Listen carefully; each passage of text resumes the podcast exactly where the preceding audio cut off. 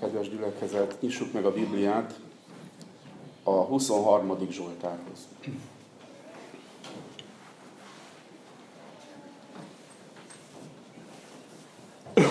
23. Zsoltár, mind a hat versét fel fogom olvasni. Kérem, hogy fennállva kísérjük figyelemmel az ige felolvasását.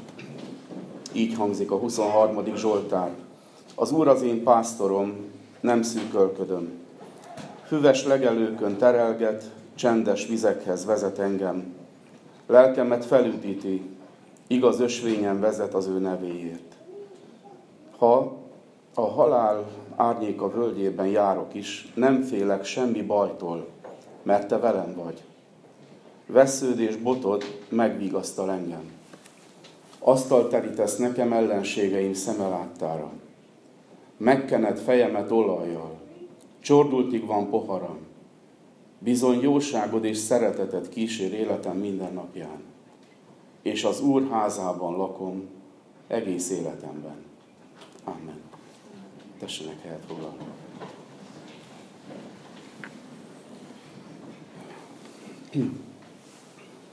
A megelégedett életnek egy keresztmetszetét találjuk ebben a Zsoltárban. Olyan ez, mintha valamit ketté vágnunk, és megnéznénk, mi van belül. Dávid engedi ezt meg, hogy a lelkét egy picit kinyissuk, és széjjel nézünk oda bent. Szerintem bátor dolog, ha valaki kinyitja a lelkét, és engedő széjjel nézzenek benne. Próbáld meg. Azt hiszem, hogy egy ember egy párszor próbálja meg csak az élete folyamán ezt. Dávid elég sokszor, hiszen minden Zsoltára szinte arról szól, hogy megnyitja a lelkét, és engedi, hogy lássák, mi van a gondolataiban. De itt most Dávid tele van hálával, és amikor belelátunk, hogy ez mit jelent neki, akkor megvizsgálhatjuk azt, hogy a mi lelkünkben körülbelül mi van összehasonlítva az övével. Akkor jó az ige, hogyha belenézünk, mint egy tükörbe. És hogyha van kiigazítani való, akkor azt megtesszük. Jó lenne, azt mondja Jakab apostol, hogyha úgy néznénk bele a tükörbe, hogy aztán nehogy elmenjünk előle, és elfelejtsük, hogy néztünk ki, hanem ha egyszer belenéztél és szembesültél önmagaddal, és a javítani valóval, akkor végidőt arra, hogy dolgozz azon, hogy ismét jól néz ki. Itt a hálaadásról van szó, és azt hiszem, hogy egy nagyszerű képet kapunk arról, hogy mit jelent hálás, megelégedett életet élni. Nézzük meg! Hálás, megelégedett életet élni azt jelenti, hogy állandó függésben vagyok Istentől. Az első vers erről tesz bizonyságot. Az Úr az én pásztorom, nem szűkölködöm. Ez az alapja az egész Zsoltárnak. Alapmondata, ebből indul ki Dávid.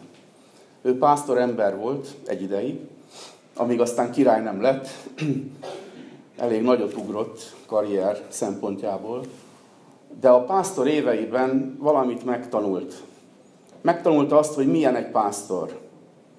Magából indult ki, átélte, csinálta, napi tapasztalata volt erről, és egy adott ponton, érdekes módon ez a Zsoltár nem fiatal korába íródott, hanem élete vége felé. Ezért nagyon érdekes a Zsoltár.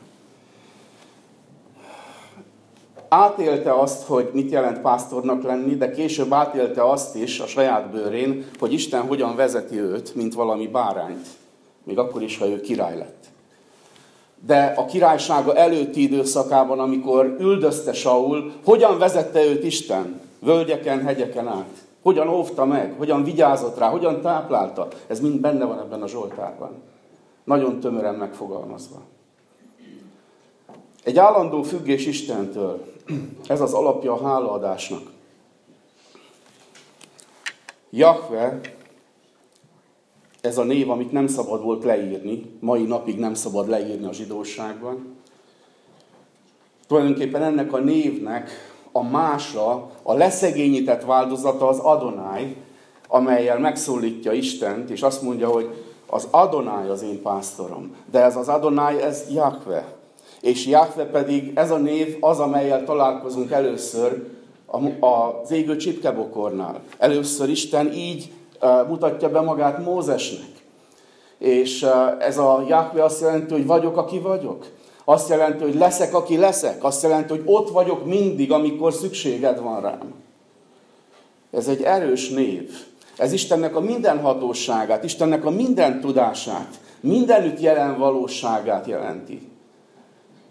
És Dávid azt mondja, hogy ez a mindenható Isten az én pásztorom. Vagyis én úgy vagyok a vele való közösségben, mint a bárány, aki függ a pásztortól. Abszolút függök tőle. És ez egy nagyon fontos tétel a mi hitéletünkben is. Ma reggel kérdezd meg magadtól, ennek az egy mondatnak a fényében mennyire helyeztem az Istentől való függőségbe az életemet?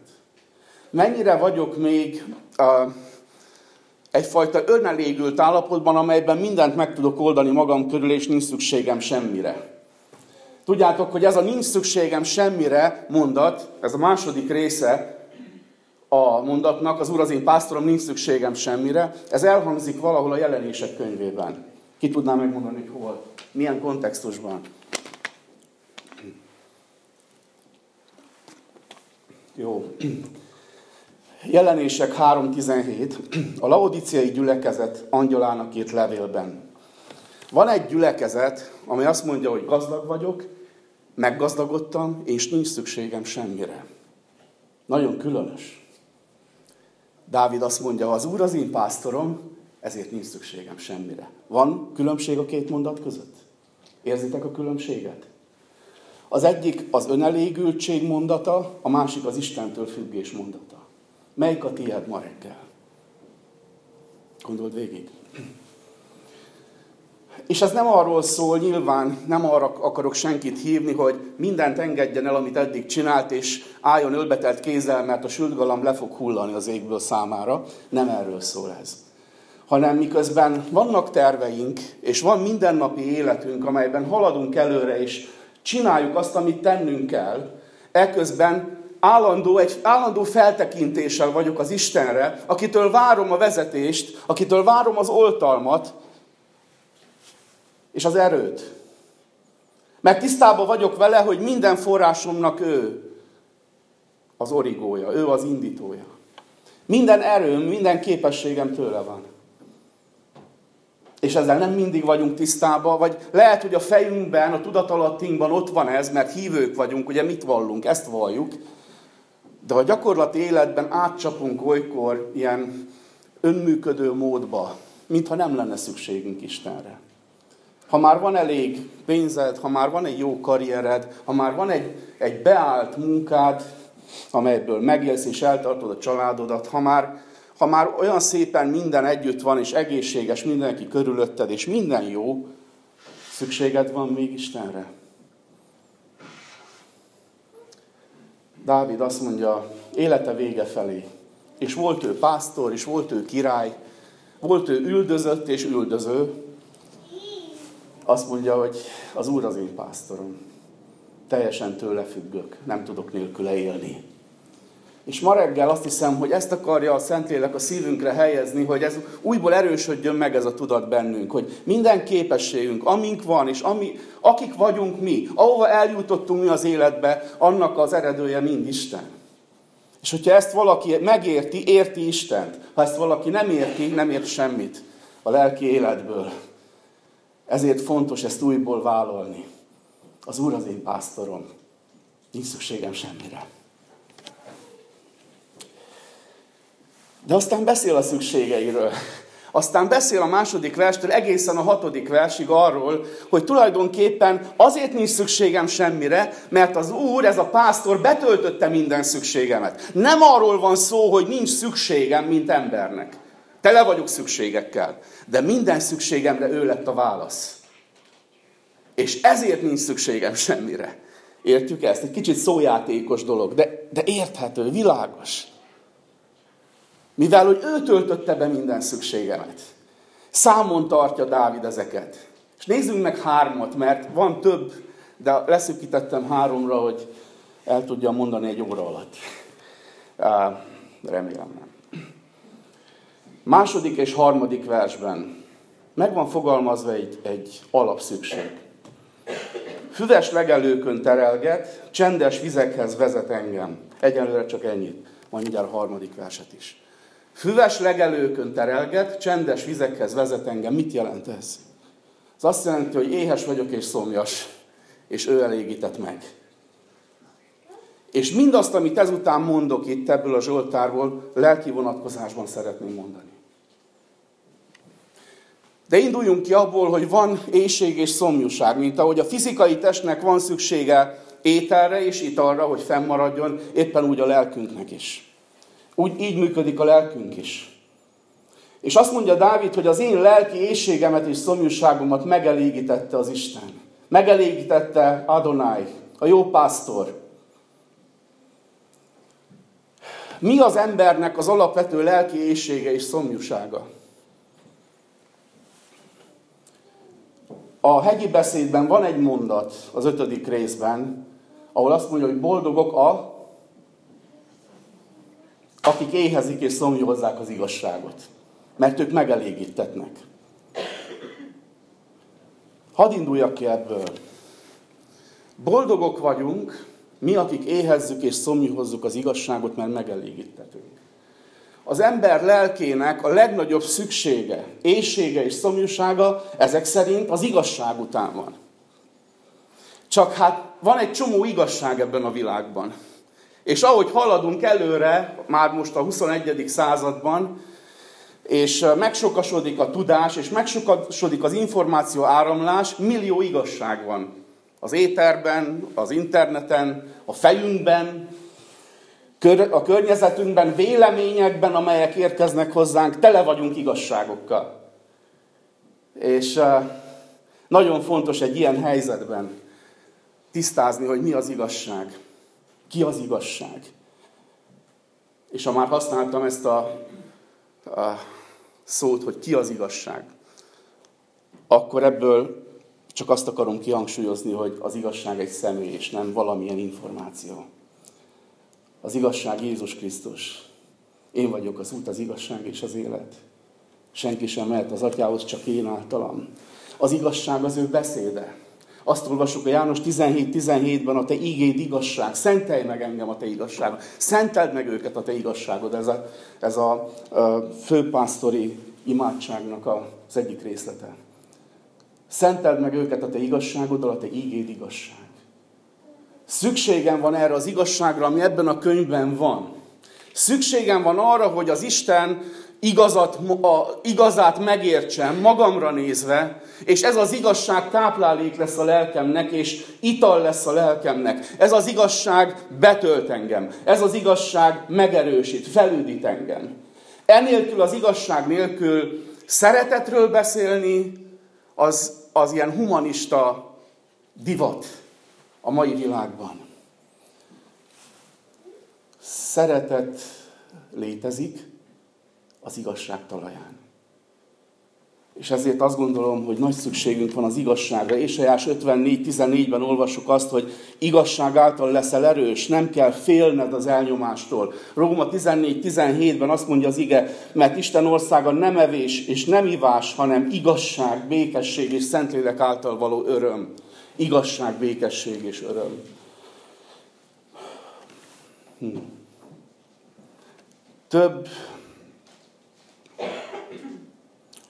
Minél több igazságot engedek a közel az életemhez, és vállalok fel, fogyasztok úgymond az ígéből, annál inkább lehulnak terhek az életemről, és felüdülök. A harmadik versben azt olvassuk, lelkemet felüdíti. Gyakorlatilag, hogyha, hogyha igazságban kezdek járni, a magam életét tekintve, felüdülök minél több igazságot felvállalok, igaz mondást felvállalok, felüdülök. Mit akarok ez, ez alatt mondani, ezáltal mondani? A saját tapasztalatból szeretném ezt most kihangsúlyozni. Bátor dolog az, hogyha hazudtál, vállalni, hogy hazudtál. Bátor dolog az, vállalni, hogy valamiben sántítottam. Kiállni azzal szemben, akivel elkövettem, és azt mondani, bocsánatot kérek. Sajnálom, ez történt Ilyenkor táplálkozik a lelked igazsággal. Ilyenkor felüdülsz, mert lehull egy teher rólad, mert felszabadul a lelked. Valami megváltozik benned. És ez fontos. Ha nem az igazságban járok, akkor nem táplálkozik a lelkem. Akkor maradok a leterheltséggel. Egy János 1.9-ben olvassuk, ha megvalljuk bűneinket, ő hű és igaz, hogy megbocsásson. Dávid mondja ezt, aki azért elég sok mindent csinált az életében, ami nem volt kompatibilis, úgymond az igazsággal. De az, azért volt Isten szerint való férfiú Dávid, mert e, miután megcsinálta a bajt maga körül, utána bevállalta. Nem maradt meg a hazugságban. Hazugsággal nem lehet megdicsőíteni az Istent. És ezt ő tudta. És ezért van leírva az 51. Zsoltárban, hogy Uram, tiszta szívet teremts bennem, hogy ismét mehessek és hirdessem a te igazságodat a te néped előtt, mert addig nem hirdethetem. Addig le van terhelve a szívem. Mennyire ismerte ezt a törvényszerűséget Dávid? Az igazság. Nagyon fontos. Ő táplál minket az ő igazságával. A, a, az ige az ő igazsága. És azt olvassuk, hogy igaz ösvényen vezet az ő nevéért. Igaz ösvény, az a harmadik rész második mondata. Harmadik vers második mondata. Igaz ösvényen vezet az ő nevéért. Ami mit jelent? Azt jelenti, hogy az ő nevéért teszi ezt, ő az ő nevét védi, Isten. Az ő neve egy védjegy. Ő az igazság maga. És azokat vezeti az igazságban, akik közel jönnek hozzá. Akik vállalják az ő igazságát, azokat hajlandó vezetni az igazságban, és azok lehetnek az ő közelében. Azok kompatibilisek az ő személyével, az ő lényével. Az igazság a kapcsolódási pont Isten és közöttünk. Amikor Jézus Krisztus megjelent közöttünk testben, akkor azt mondja János apostol az evangélium első részében, hogy telve volt igazsággal és kegyelemmel. Telve volt igazsággal. Jött és bemutatta, hogy milyen igaz az Isten. És ugyanakkor jött és bemutatta, hogy mennyire szeret az Isten. Ahhoz képest, hogy a mi igazságunk milyen távol van az övétől. És jött megbocsájtani a hazugságainkat. Jött megbocsájtani a görbe útjainkat. Jött helyreállítani minket és meggyógyítani. Táplálni a lelkünket étel és itallal, az ő beszédével, amely igazság. Dávid értette ezt, pedig ószövetségi ember volt. De proféta volt, proféta lélek volt benne, és értette ezt a mechanizmusát a lelki életnek. És ezért mondja azt, hogy lelkemet felüdíti, igaz ösvényen vezet az ő nevéért. Tehát az egyik szükségünk az, hogy a lelkünk beteljen, megelégüljön az igazsággal ami a szellemi táplálék. Egy másik szükség, ami itt van a Zsoltárban, kifejezve a negyedik versben és az ötödikben, az a félelemmentes élet. Ez egy nagy szüksége a mai embernek pláne. Mindig is szüksége volt az embernek, hogy félelemmentesen éljen. És ahogy igyekszünk biztonságos világot teremteni, annál több baj van, annál inkább omlik össze minden, és már sehol nincs biztonság, még Amerikában sem, sehol sem. És ebben a helyzetben, és abban a három ezer évvel ezelőtti helyzetben, ahol Dávid élt, amelyben Dávid élt, sem volt biztonság. És mégis, pont emiatt, hogy semmiben nem tudott kapaszkodni, ami biztos, ezért a pásztorhoz, az ő pásztorához fordult biztonságért is, és félelemmentes életért. Ezt olvassuk. Ha a halál a völgyében járok is, nem félek semmi bajtól, mert te velem vagy. Ismerős az a mondat, és sokszor idéztük már. De gondoljunk bele ebbe. Megadatott, hogy másfél évvel ezelőtt én is jártam Izraelben, eh, Erzsikével. És elmagyarázta nekünk a guidunk, hogy mit jelent ez a halál árnyékának völgye, és nagyon-nagyon tetszett, megfogott ez a, ő tudja, mert ott élt egész életében. Mit jelent ez a halál árnyékának völgye? A halál árnyékának völgye, ugye pásztor és nyáj kontextusában gondolkodva, az egy szurdok. Egyfajta, ott nagyon sok szurdok van, főleg a, a délebbi részeken, meredek völgyek. És, és a meredek völgyek alján folyik a patak. A patakban van hűs, hideg víz. A bárányoknak szüksége van arra a vízre. És a patakok mentén, a patakok szélén pedig dús a fű. Szükségük van arra a táplálékra. Ott vezet át az út. Igen ám, de miért halálárnyékának völgye? Azért, mert a meredek hegyoldalon meghúzódnak a vadállatok. Meghúzódik az oroszlán, a medve, meghúzódnak a hiénák, és várnak. És gyakorlatilag prédára várnak. A bárányokra várnak.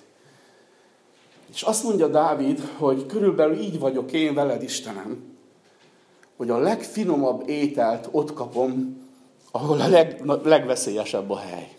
Nem azt mondja itt, hogy nem azt állítja itt Dávid, hogy, hogy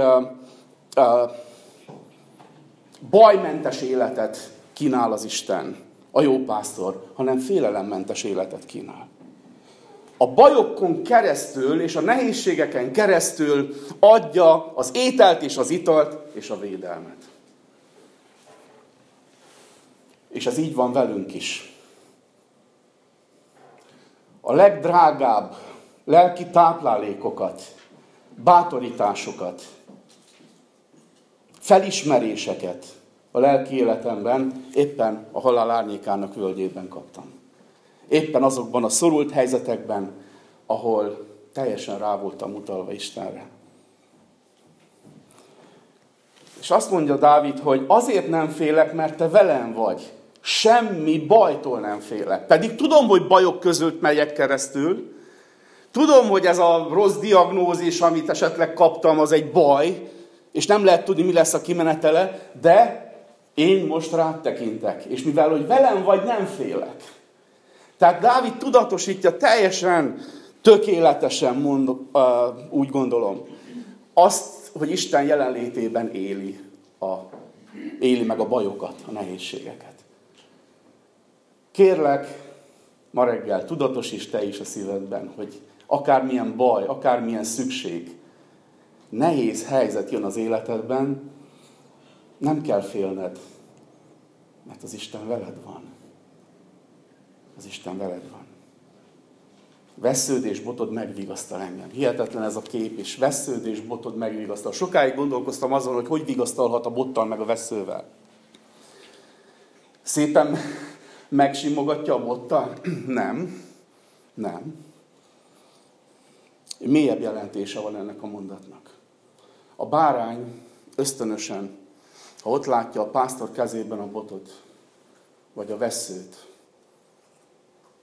megvigasztalódik, megbátorodik. Én megvigasztalódom, ha látom, hogy ott van az én pásztorom a közelemben, és a bot, ami a Bibliában, különösen az Ószövetségben a hatalomnak és a tekintének a jelképe ott van a kezében. És ő az Úr. Ma reggel vigasztalódj meg abban, hogy feltekintesz Jézusra, és látod, hogy ő az Úr. Az ő kezében van a történelem menete, az ő kezében van az a bot, amelyel uralkodik a nemzetek felett. És uralkodik a te életedben is. És az abot nem azért van, hogy téged agyon üssön, ha valamit hibázol, hanem azért van, hogy megvédjen. Az a bot nem neked van, hanem az oroszlánnak, meg a medvének. A sátánnak, a régi kígyónak. Az a bot azért van. És nagyon fontos nekünk ezzel feltöltekeznünk, ezzel a drága tudattal, hogy védelem alatt vagyunk. Hatalma van megvédeni minket.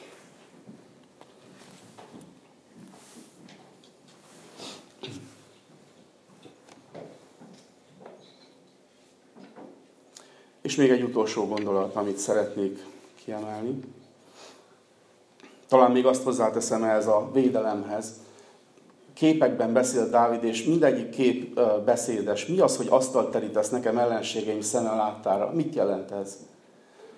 amikor az ember eszik, nem akarja, hogy az ellenség zavarja. Hogy lehet ellen, e, úgy enni, hogy közben támad az ellenség? Nem tudsz úgy enni, akkor, akkor menekülsz, vagy akkor felveszed a harcot.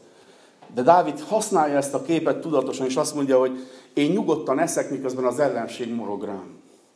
Pontosan emiatt, mert ott van a bot a pásztor kezében. Pontosan amiatt, mert köztem és az ellenségem között ott van az én pásztorom, aki nekem biztosítja a nyugalmat, a normális étkezést, úgymond, a biztonságos kereteket ahhoz, hogy megéljem a mindennapokat, és közben pedig csekben tartja, háttérbe szorítja az ellenfelet.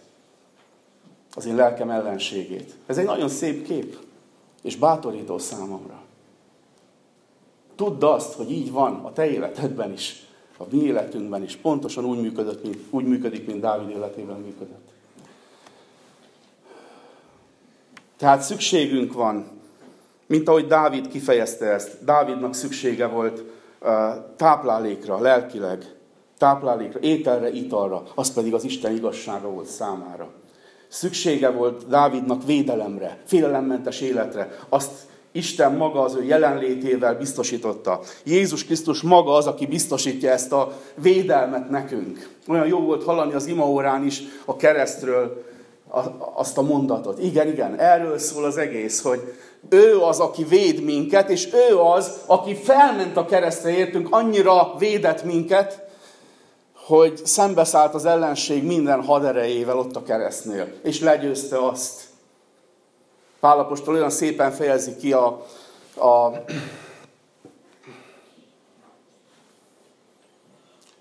a Kolossai levél második rész 15. versében azt, hogy legyőzte a fejedelmséget és hatalmasságot, és azokat bátran mutogatta. Kipellengér ezt az egész szellemi világ előtt a sátánt és az ő hadait azáltal, hogy a kereszten halálos csapást, halálos sebet mért az ellenségre.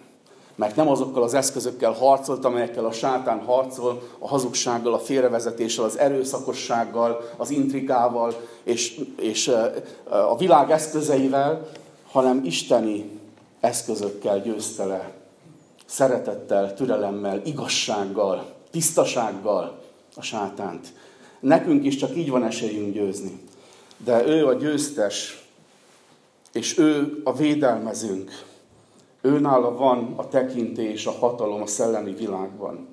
Ő az, aki körülvesz minket, hogy mi nyugodtan táplálkozhassunk, még a halál árnyékának völgyében is. És a harmadik szükség az a bizonyosság. A hatodik verset olvasom, bizony, jóságod és szeretetet kísér életem minden napján, és az úrházában lakom egész életemben. Bizony. Ennél a szónál álltam meg. Ez azt jelenti, hogy bizonyosan, egészen biztosan, meggyőződésesen vallom azt, mondja Dávid, hogy jóságod és szereteted kísér életem minden napján. Egy meggyőződés van a szívemben. Erre a meggyőződésre is szükségem van. És ezt a szükségemet is ő tölti be. Mert a körülöttünk lévő Isten nélküli világban az embereknek nincs meggyőződésük. És ha van is meggyőződésük, az csak a sírig tart. A terveik tekintetében vannak meggyőződéseik, látásaik, bizonyosságaik, hogy merre megyünk, menjünk arra, fogjunk össze minél többen, hogy igazunk legyen, és így tovább. Ilyen bizonyosságok vannak. De az a bizonyosság, amely betölti a szívedet akkor is, amikor egyedül maradsz, és senki nem támogat. Na az az, a, amiről talán Klaudia is beszélt a felolvasásában, hogy az az elvehetetlen rész, ami megtartja az életedet bármilyen körülmények között. Bizonyosság. Bizonyosság, hogy jósága és szeretete kísér életem minden napján. Bizonyosság, hogy az úrházában lakom egész életemben, ez azt jelenti, hogy örök életemben. Hogy van egy háza, hova tartok ez az úrháza. Szükségeink vannak, de ezeket a jó pásztor akarja betölteni. Ha tőle függővé tesszük az életünket. És hogyha ez így van, akkor a szívünk hálás és elégedett. Ezt akartam csak elmondani. Amen. Köszönjük meg az Úrnak azért, hogy engedte, hogy függővé tegyük magunkat tőle. Mert mondhatta volna azt is, hogy olyan bűnösök vagytok, hogy nem foglalkozok veletek. De eljött közénk. Felvállalt minket. Adjunk hálát ezért. Kérek testvért és egy testvérnőt, hogy hangosan is imádkozva mondjanak hálát.